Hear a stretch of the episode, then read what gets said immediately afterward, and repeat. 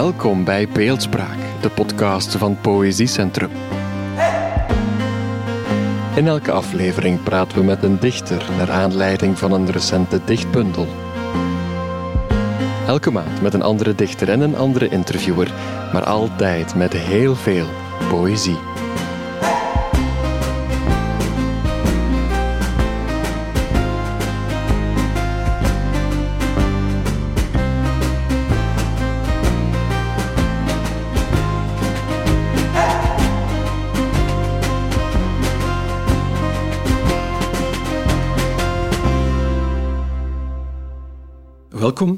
Vierde aflevering van Beeldspraak, de podcast van het Poëziecentrum. Mijn naam is Stef Kraps.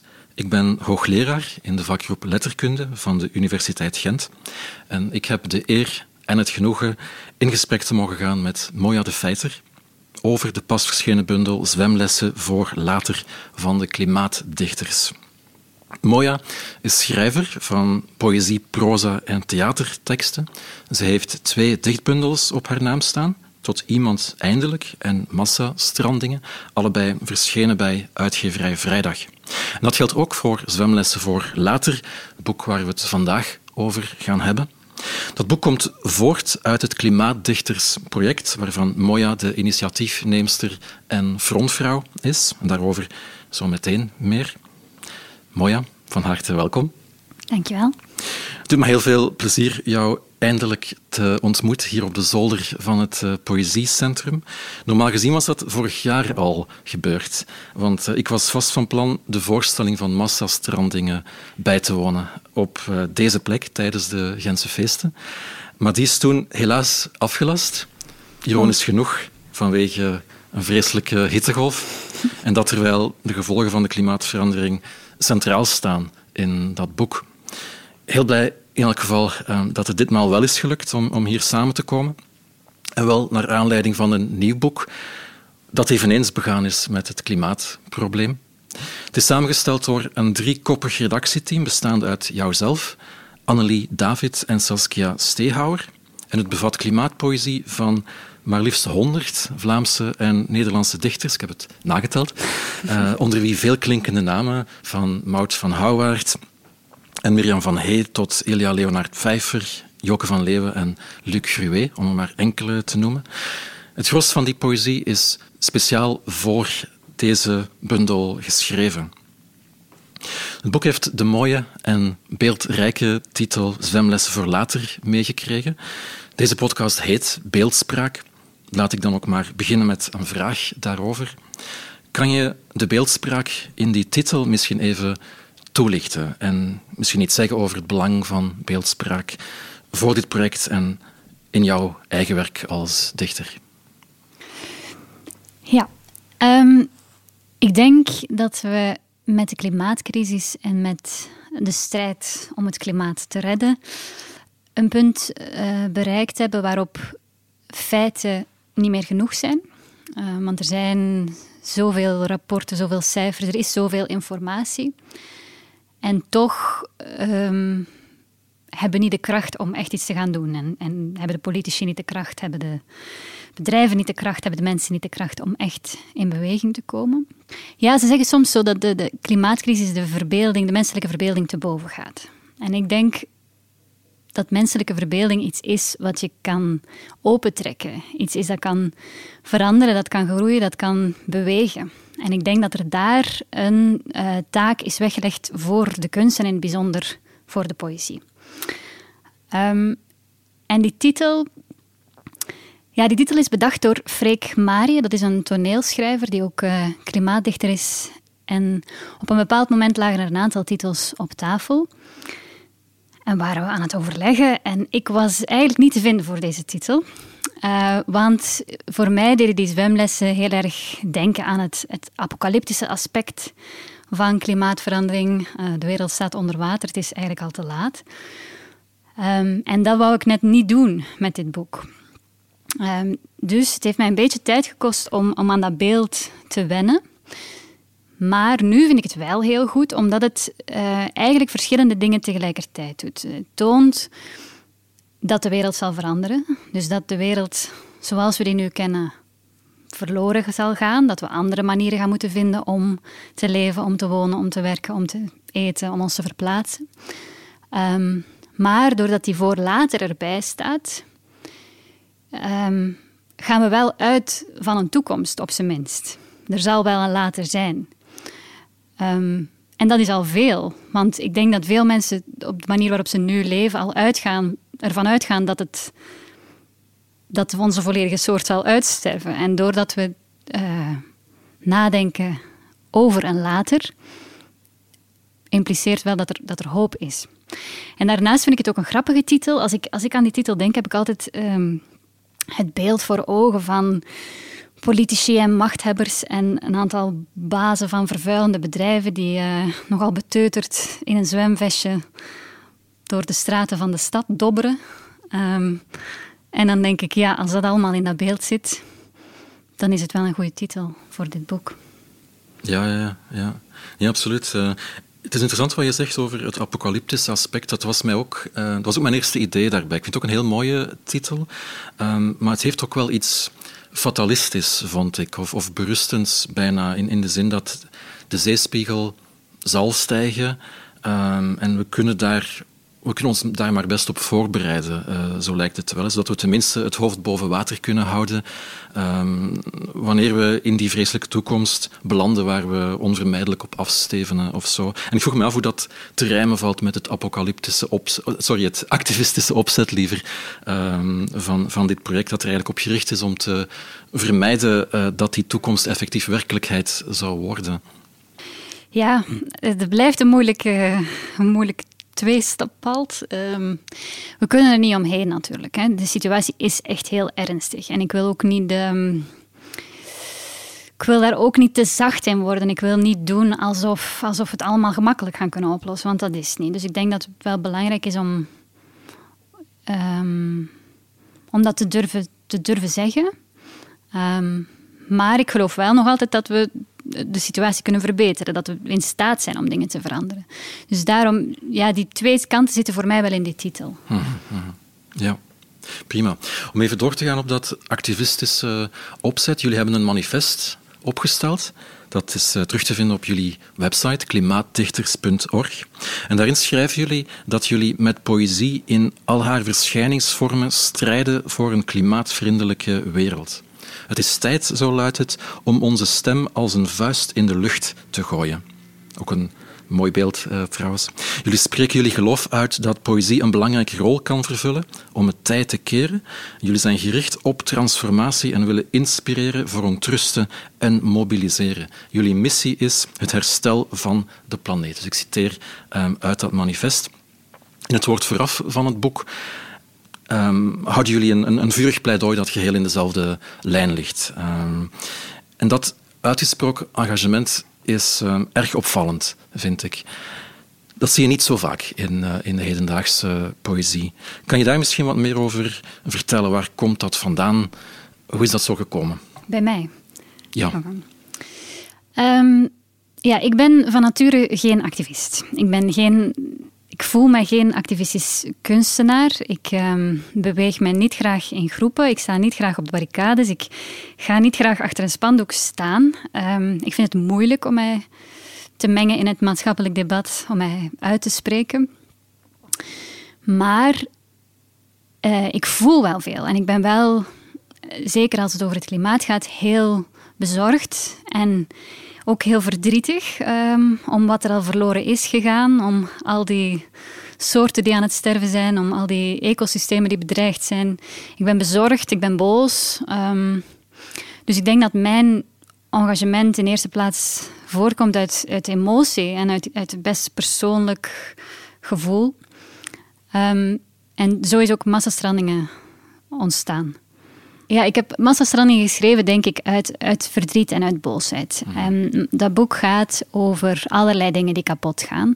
Uh, is, is best donker uh, bij momenten. Gaat over walvissen die sterven of zomaar opgeofferd worden. Um, gaat over bomen die kapot gaan, over mensen die sterven. Um, en nadat ik dit boek had, dat boek had gemaakt, wilde ik daar graag iets tegenover stellen. Ik dacht, dat heb ik nu wel gedaan. Ik, ik vond niet dat ik twee keer helemaal uh, in die destructie kon duiken. Um, dus sindsdien ben ik bezig met een onderzoek naar uh, licht. Naar licht in natuur, licht in uh, biologie, in optica, licht in spiritualiteit zelfs, filosofie. Ik probeer mijn perspectief te verschuiven. En ik denk dat de klimaatdichters daarin passen, omdat die wel vooruit gaan en niet alleen maar uh, focussen op alle verschrikkingen van onze wereld. Ja, oké. Mag ik jou vragen, Moja, om een eerste gedicht voor te lezen uit Zwemlessen voor Later? het gaat om het gedicht Klimaatdichter van uh, Arthur Lava, pseudoniem van Howard Kroll. Um, en het is denk ik een van de meest militante, uh, programmatische gedichten uit de bundel um, van hand van een dichter die ons uh, helaas onlangs is ontvallen. Als je iets wilt, moet je stevig doorpakken. En vooral scherp zijn. Aan mijn riem hangen de scalpen van het oude denken, althans een paar. Zo gemakkelijk stroop je de onverschilligheid niet van dit tijdperk af. Zo gemakkelijk trek je de boel niet los bij degenen die een vergaand misvatten volharden. Die zul je echt niet horen zeggen: ontvlees ons maar. Neem onze scalp. Wij willen zo ontzettend graag een open mind. Voordat ik begon, las ik hun gedachten. Wat bezielde ze? De topmannen van het verdoezelen, de wereldleiders in lamlendigheid, de politieke gangsters die handelen in neergang en ontkenning. Ik leerde dat ze in het lege hol van hun geweten zelfs hun eigen kinderen doodleuk de kans op een toekomst misgunnen. Tegen deze achtergrond werd ik opstandig. Ik laadde mijn woorden door en scherpte mijn beeldspraak aan. Gelukkig sta ik er niet alleen voor. Wij zijn met velen. Een stamverband dat verkeert op de hoogvlakte van verontrusting. Een vastberaden brigade die betoogt: wij gaan het de daders moeilijk maken. Om te beginnen leggen we een daverend groot bos van dwarsbomen rond een kwaadaardigheid aan. Wij zijn felgroen en we zijn hier om de aarde voorgoed te laten winnen. Wij eisen een juichende leefbaarheid op. En fuck no, wij schrijven beslist geen toegevende zin.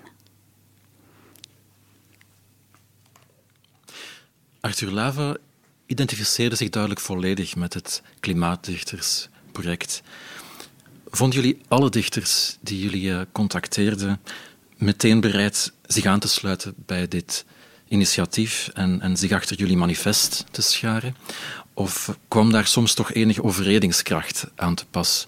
Ik kan me bijvoorbeeld voorstellen dat sommigen eerder het laar pour laar eh, principe genegen zijn en, en huiveren voor wat zou kunnen worden gezien als instrumentalisering van de poëzie. De poëzie die, de wereld gaat redden of het klimaat gaat redden. Mhm. Ja, uh, ik had verwacht dat heel veel dichters zo zouden reageren. Ik zou misschien zelf zo, zo hebben gereageerd op een bepaald moment in mijn leven. Um, en ik was echt aangenaam verrast door het, door het gigantische engagement en enthousiasme dat uh, volgde op die oproep. Um, er zijn een aantal dichters die zo hebben gereageerd of die, die zeiden: Ja, ik, ik wil niet bij een clubje horen.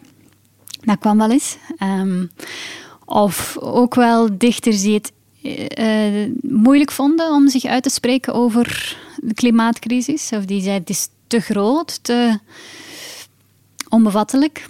Um, maar zeker 90% van de mensen die we hebben aangeschreven wilden meedoen. En dat had ik niet verwacht. Mm -hmm. Ja, een van de dingen die mij opvielen aan, aan dit boek is de enorme variëteit van de gedichten. Er is duidelijk niet één poëtica die iedereen aanhangt. Mhm. Het is een heel kaleidoscopisch boek, uh, een bundel met, met voor elk wat wils, uh, denk ik. Er staan e-, eenvoudige, vlot toegankelijke gedichten in, maar ook eerder hermetische of, of raadselachtige. Uh, er is strijdbaarheid, zoals we net hebben gehoord, maar evengoed contemplatie en, en, en verstilling. Tal van verschillende aspecten van, van de klimaatthematiek komen aan bod. En de gedichten evoceren ook een, een brede waaier van emoties. Um, gaande van, van woede en, en verdriet en, en radeloosheid tot angst, uh, schuld, ingetogenheid, verwondering ook. Misschien is dit wel een goed moment om nog een, een ander gedicht uh, te laten horen. Uh, we gaan proberen in de loop van uh, deze podcast toch een, een, handvol gedichten ten gehore te brengen, zodat de luisteraar zich een beetje een beeld kan vormen van, van de rijkdom waarover ik het zo net had. Moja, mag ik jou vragen een volgend gedicht voor te lezen uit Zwemlessen voor later? Het heet World Cup of Trees en is van de hand van Maarten Ingels. Hooggeacht lid van de commissie. Met dit schrijven dien ik een voorstel in voor de creatie van een museum van bomen. Dit wil zeggen, op een stuk grond ter grootte van een voetbalveld worden 22 jonge bomen in een strategische opstelling geplaatst. 4-3-3. Elf inheemse bomen spelen tegen een mix van elf uitheemse bomen een honderd jaar durende wedstrijd, door langzaam naar elkaar toe te groeien. Beste leden van de commissie, ik hoef u niet te vertellen dat het kunstwerk World Cup of Trees een ode is aan de traagheid, het zwijgen en de verbroedering onder volkeren. Wat zijn inheemse soorten als uitheemse soorten hier steeds beter gedijen? En hoe heeft de westerling het exotische gekoloniseerd? De boom speelt voor het eerst mee in het grootste economische sportritueel van de mens, de wereldbeker, en draagt een truitje van eigen bodem. Maar wat te doen met de ploeg van bezoekers die wortels schiet in het gastland en nooit meer weggaat? Hieronder volgt een voorstel voor de selectie van de inheemse en uitheemse ploegen. Beste commissie, ik heb geld nodig voor het inheemse platsoen van een zomerlinde, een energieke fladderriep, een zoete boskrik in de spits.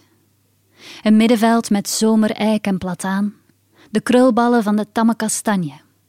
Achteraan de dribbel van de grove den, een okkernoot, een doodgewone esdoorn, de hoge uitworp van de gewone beuk. Een gele treurwilg bemant het doel met lange armen. Als reservespeler had ik aan de hazelaar gedacht. Voor de uitheemse ploeg zet ik in op de Cretensische dadelpalm, een Indische sering, de Johannes broodboom vooraan, centraal een Noord-Afrikaanse argamboom, een Amerikaanse eik linksbuiten en een Europese lork rechtsbuiten. Natuurlijk mag de magnolia niet ontbreken. Zij aan zij met de onverzettelijke vijgenboom, het ritselende olijfboompje en de Japanse notenboom ginkgo geheten. De Italiaanse populier staat in het doel en de baobab zit op de bank. Er worden witte lijnen aangebracht, maar er is geen bal, want dat leidt de aandacht af van het kijken naar bladverlies, het tekkelen van takken en de trage vergroeiing van wortels. Een bos is contactsport voor opmerkzamen. Het publiek bestaat uit ruwe berken, u weet wel, die met de zilverwitte stammetjes. En rond het veld worden reclamepanelen voorzien voor de sponsoren. Bent u een sponsor van de Wereldbeker voor Bomen? De Wereldbeker voor Bomen klaagt op hoogst humoristische wijze het verdwijnen van de natuur aan en pompt zuurstof in het precaire identiteitsdebat. Wie hoort waar thuis? Maarten Engels gelooft dat het planten van een zonevreemd bos de grootste daad van verzet is. De natuur is geen wedstrijd, maar de mens wil nu eenmaal vanaf de zijlijn kunnen gokken op de afloop. Dankjewel. Waarom heb je dit gedicht uitgekozen? Hoort er een speciaal verhaal bij of raakt het jou op een bijzondere manier? Uh, ja, ik vind het een heel knap gedicht. Mm ik vind um, wel indrukwekkend hoe die zo de dingen samenbrengt. Um, waar we eigenlijk met de klimaatvechters voor staan. Het is een soort een strijdlied, het is een, het is een, klacht um, en tegelijkertijd een, een ode aan, aan verscheidenheid en aan de schoonheid van de natuur en van bomen. En het klopt dat als ja, als bomen dezelfde waarde zouden ehm, toegeschreven krijgen als voetballers, uh, dan had de wereld er misschien helemaal anders uitgezien. Dus ik vind het wel knap bedacht. Ja. Ja, nee, inderdaad. Het is ook een heel sterk beeld, een wereldbeker uh, voor bomen. Een heel bizarre, absurde mm gedachte, uh, wat ook het punt is natuurlijk. Het gedicht is, is inderdaad een, aanklacht tegen um, um, de teleurgang van de natuur, het identiteitsdenken en zo. Um, het viel mij ook op dat het een van de vele gedichten is in feite in de bundel die over bomen gaat. Um, en, en die, die alomtegenwoordigheid van bomen mm viel mij echt op. Um, het is misschien ook geen, geen toeval. En bomen maken niet alleen deel uit van de, de natuur, die, die dichters, of waarvan dichters de schoonheid bezingen of, of de teleurgang uh, betreuren. Maar ze, ze, vormen wonderlijk genoeg ook minstens een deel van de oplossing voor het klimaatprobleem. En dat is ook iets wat verschillende gedichten benadrukken. Hè. Er is bijvoorbeeld ook dat, uh, dat gedicht van Anne Carlier, of gewoon een boom, mm -hmm. um, dat dat punt uh, maakt en dat, dat bomen zelfs uitdrukkelijk naar voren schuift als alternatief uh, voor allerlei ingewikkelde geoengineering-achtige oplossingen. Um, zijn er andere terugkerende thema's of, of motieven die jou speciaal zijn, zijn opgevallen in deze bundel? Uh, ja, wel grappig. Wij waren echt, uh, wij voelden ons platgewalst door de ijsberen. Ja. Er waren zo ontzettend veel ijsberen um, dat we op den duur geen ijsbeergedicht meer konden lezen. um, ja, en ook wel, um, goh, wat nog. Bossen om, zijn natuurlijk de longen van de aarde, zeggen ze zo. Dus dat vind ik heel normaal en heel, heel logisch dat die uh, zoveel terugkomen. Um, ook wel warmte, steeds warmer wordende wereld, hittegolven, um, droogte. Ja. Is er iets wat jou, wat jou heeft verrast tijdens het samenstellen van de bundel? Behalve, je, je, verwees zelf al naar het feit dat zoveel dichters überhaupt hun, uh, hun meewerking toezegden. Wat heeft mij verrast? Ook de samenwerking uh, in de kerngroep. Er heeft zich dus een kerngroep gevormd van elf mensen die zich ongeveer als werkende kracht echt inzetten voor dit project. Die, die ontzettend hard werken, waardoor ik nu een soort van mm, groep aanstuur van mensen die sociale media doen, subsidiedossiers schrijven, evenementen organiseren. Uh, met, een, met een serieus en een vertrouwen dat ik uh, echt bewonderenswaardig vind. Dus dat. Um, en in de, in de gedichten zelf, ja, de, de vari variëteit. Um, het samengaan van die heel activistische strijdgedichten en dan, dan mensen die, die bijna abstracte, hermetische natuurlyriek opgaan, dat vond ik heel mooi. Ik was bang dat het, dat het allemaal te veel op elkaar zou gaan lijken. Um, en dat, dat is helemaal niet.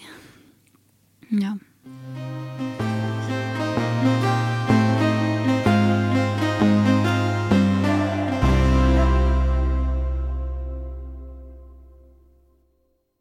Jullie hebben heel bewust gekozen voor een, een multimediale aanpak. Dit boek is om te beginnen heel mooi vormgegeven, um, met illustraties van Charlotte Pijs binnenin en op de cover. Verschillende gedichten zijn ook vergezeld van een QR-code die um, naar een video leidt die, die veelal op basis van het gedicht in kwestie is gemaakt. En daarnaast voeren jullie een, een heuse sociale media campagne en nemen jullie deel aan allerlei festivals en, en andere evenementen. Voorlopig weliswaar uh, allemaal virtueel, neem ik aan. Um, jullie zijn dus op, op heel veel verschillende fronten actief. Mm -hmm. Is dat om een, om een zo breed mogelijk publiek te bereiken en een, een zo groot mogelijke impact te genereren? Ja, ja, uh, toen ik het idee heb uh, geopperd om een boek te maken, was ook de eerste reactie van veel mensen ach, een boek. Er zijn al zoveel boeken en uh, wat gaan we veranderen met dat boek? En spreken we dan niet te veel voor eigen kerk? Um, dus ik denk dat het heel belangrijk is dat, dat we niet alleen dat doen. Um, dus dat we proberen te bewegen in de wereld. En dat we proberen mensen te bereiken die nog geen poëzie lezen of nog niet met klimaat bezig zijn. En daarvoor moeten we alles uit de kast halen. Dat is denk ik de enige manier. -hmm. Ja. Ja, in, in, die grote verscheidenheid en die multimediale aanpak zag ik zelf ook een poging om, om die valkuil te vermijden. Mhm. Ehm, van enkel voor eigen parochie te preken. Ehm, het gevaar is dat je enkel mensen bereikt die al bekeerd zijn, zeg maar, literatuurliefhebbers die, die al bekommerd zijn om het klimaat en die overtuigd zijn van de dringende noodzaak um, aan doortastende klimaatactie. Waarbij ik mij echter meteen ook de bedenking maakte of het per se een slechte zaak is om dat publiek nog wat of nog eens extra te bedienen. Um, want weten dat er een probleem is dat dringend aangepakt moet worden, is nog iets heel anders dan die kennis ook echt tot je laten doordringen en uh, er vervolgens effectief naar handelen. Misschien moet, moeten we niet te snel van uitgaan dat, uh, dat het niet meer nodig is om een bepaalde groep mensen een, een geweten te schoppen, zeg maar. Uh, want we lijden allemaal wel in zekere mate aan, aan cognitieve dissonantie als het op het klimaat mm -hmm. aankomt. Um, het fenomeen waarbij we eigenlijk perfect weten wat er aan de hand is, maar het niet willen of, of niet kunnen geloven, omdat dat besef um, zeer oncomfortabel en zeer bedreigend zou zijn. En de emotionele kost is erg hoog. En we zouden onze levenswijze radicaal moeten veranderen, wat we natuurlijk liever niet doen. Uh, en dus doen we maar gewoon voort zoals we bezig zijn. Het viel mij op dat, dat veel van de gedichten daarover gaan ook. We weten het wel, maar we willen het eigenlijk niet weten. En doen ook alsof we het niet weten. Um, en een goed voorbeeld van zo'n gedicht, denk ik, is uh, Nieuws van David Trog. Mag ik jou vragen, Moja, om dat gedicht even voor te lezen? Zeker. Het kwik stijgt fel. Het ijs smelt. We staan met één voet in zee. Wat een nieuws je toch in de krant leest. En dan schrijft men als het niet tot aan de kin is. Straks leeft slechts wat vin heeft. Het hek is van de dam. Je keert het tij niet meer. Je zal blij zijn als er een wolk voor de zon schuift en dat het stormt dat het geen naam heeft. Zet een stap uit huis en je schroeit half dood. Waar haalt men het? Het is al te gek. Een grap, een graad meer, wat zou het? Wie voelt zich niet in zijn sas als het goed warm is? Je lacht het weg, denkt: ik zwem niet slecht. Ik red me wel. Mooie verwijzing naar de titel van de bundel daar op het eind. Uh, herken jij in dat, in dat fenomeen dat hier wordt uh, beschreven, die, die hardnekkige ontkenning op een bepaald niveau? Ook al ben je perfect geïnformeerd over de feiten. Want ik voelde mijzelf eerlijk gezegd wel een beetje betrapt mm. door dit uh, gedicht. Ja, um, ja, ik denk dat van zodra je begint te praten over de klimaatcrisis, uh, voelen mensen zich schuldig. Want iedereen doet wel ergens iets verkeerd. Hmm. En, um, en we, we, zouden eigenlijk al een aantal dingen, heel eenvoudige dingen kunnen doen die een groot effect zouden hebben. Als nu niemand vlees zou eten, niemand zou vliegen, um, dan zou er al veel veranderen. Maar dat, toch uh, blijkt dat een heel grote opoffering. En ik zie wel veel mensen die die twijfelen um, over wat ze bereid zijn aan te passen. En daar dan toch ook niet, te graag, niet al te graag over praten, omdat het um, schaamte met zich meebrengt. En bij mijzelf, ja, ik, ik ben wel doordrongen van het besef dat het een groot probleem is. En ik ben echt heel ongerust en heel bang, dus ik, ik lach het niet, niet weg. Mm. Maar ik maak ook fouten natuurlijk. En ik, ik koop ook nog altijd dingen in plastic in de supermarkt en dan voel ik mij schuldig. En dan dat, dat soort dat proces, die cognitieve dissonantie, uh, ja, daar, daar zit ik zelf ook wel mee. Zeker. Ja, ja het viel me ook op in een ander gedicht, was dat van Maud van Houwaard uh, mm. bijvoorbeeld. Gaat daar in feite ook uh, over. Hè? Dus ook, ook wel een, een, een rode draad door, door veel van de gedichten, vond ik. Um, maar goed, ik stel voor dat je nog een gedicht voorleest, uh, Moja. Onderzees van Miek Zwamborn.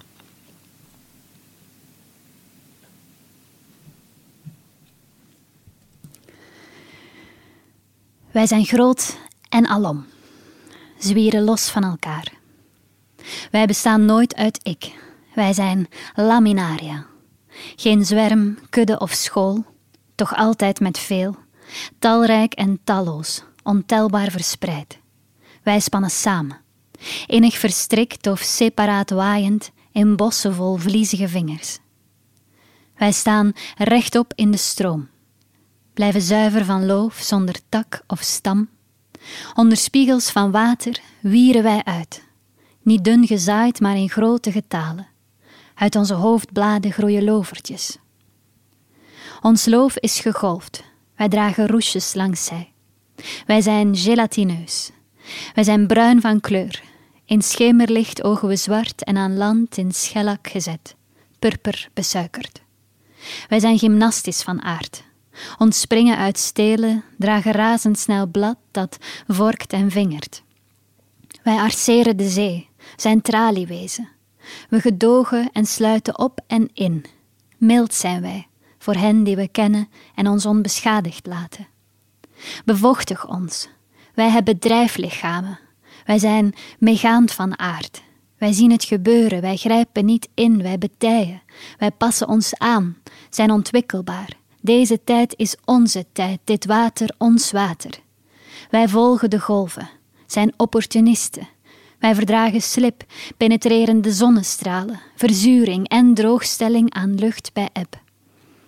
Wij slaan onze ankers om stenen, markeren de kust, reguleren het schokken van golven. Al zwierend rukken we op zonder haast. Wij ontvouwen ons, groeien in breedte, waardoor onze kronen in licht blijven baden. Wij stuwen de zee, laten groene wieren als losse sla los en stillen de rode wieren die bang zijn voor de zon. Wij zijn een zilt universum, een opsekopsbos. Wij zijn meerjarig.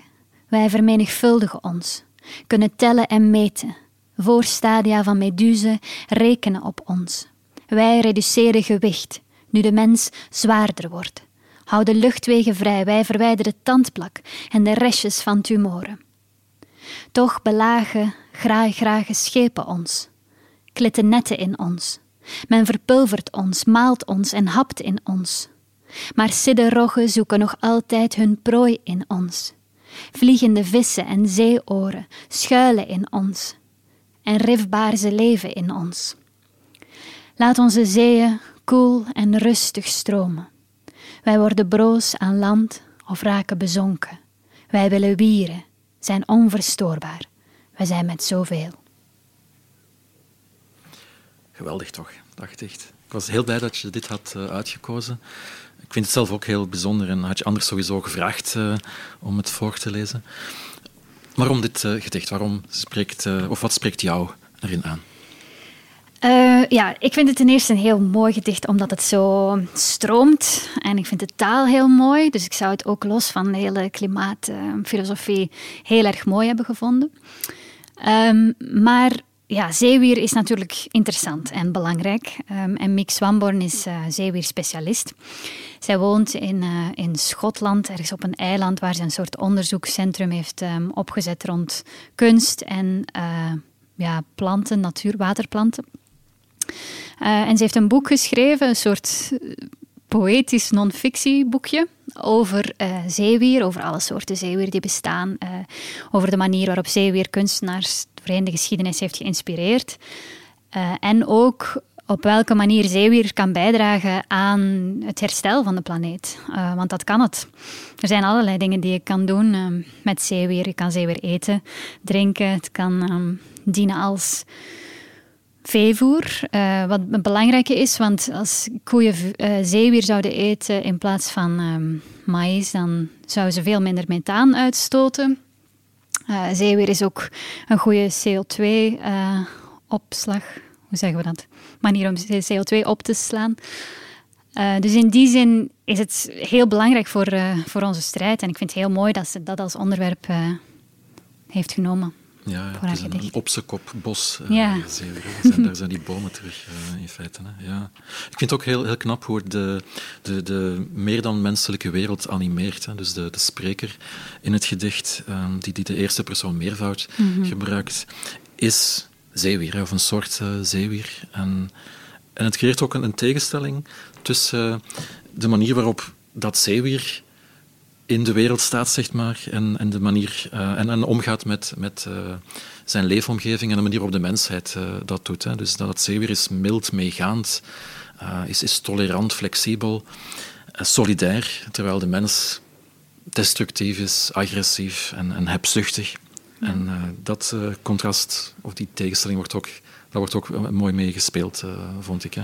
Nu, het valt mij op, Moja, dat ehm, jij eerder onconventionele gedichten hebt uitgekozen voor vandaag, die de lezer verrassen op een bepaalde manier.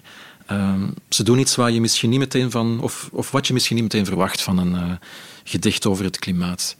Um, is dat belangrijk voor jou, dat de lezer wordt uitgedaagd um, door, door een klimaatgedicht dat het hem of haar dwingt, of, of althans uitnodigt of, of aanmoedigt om met een andere blik naar de werkelijkheid te kijken? -hmm. Ja, ik zie, voor mij is het klimaat eh, als artistiek thema um, heel groot en heel breed.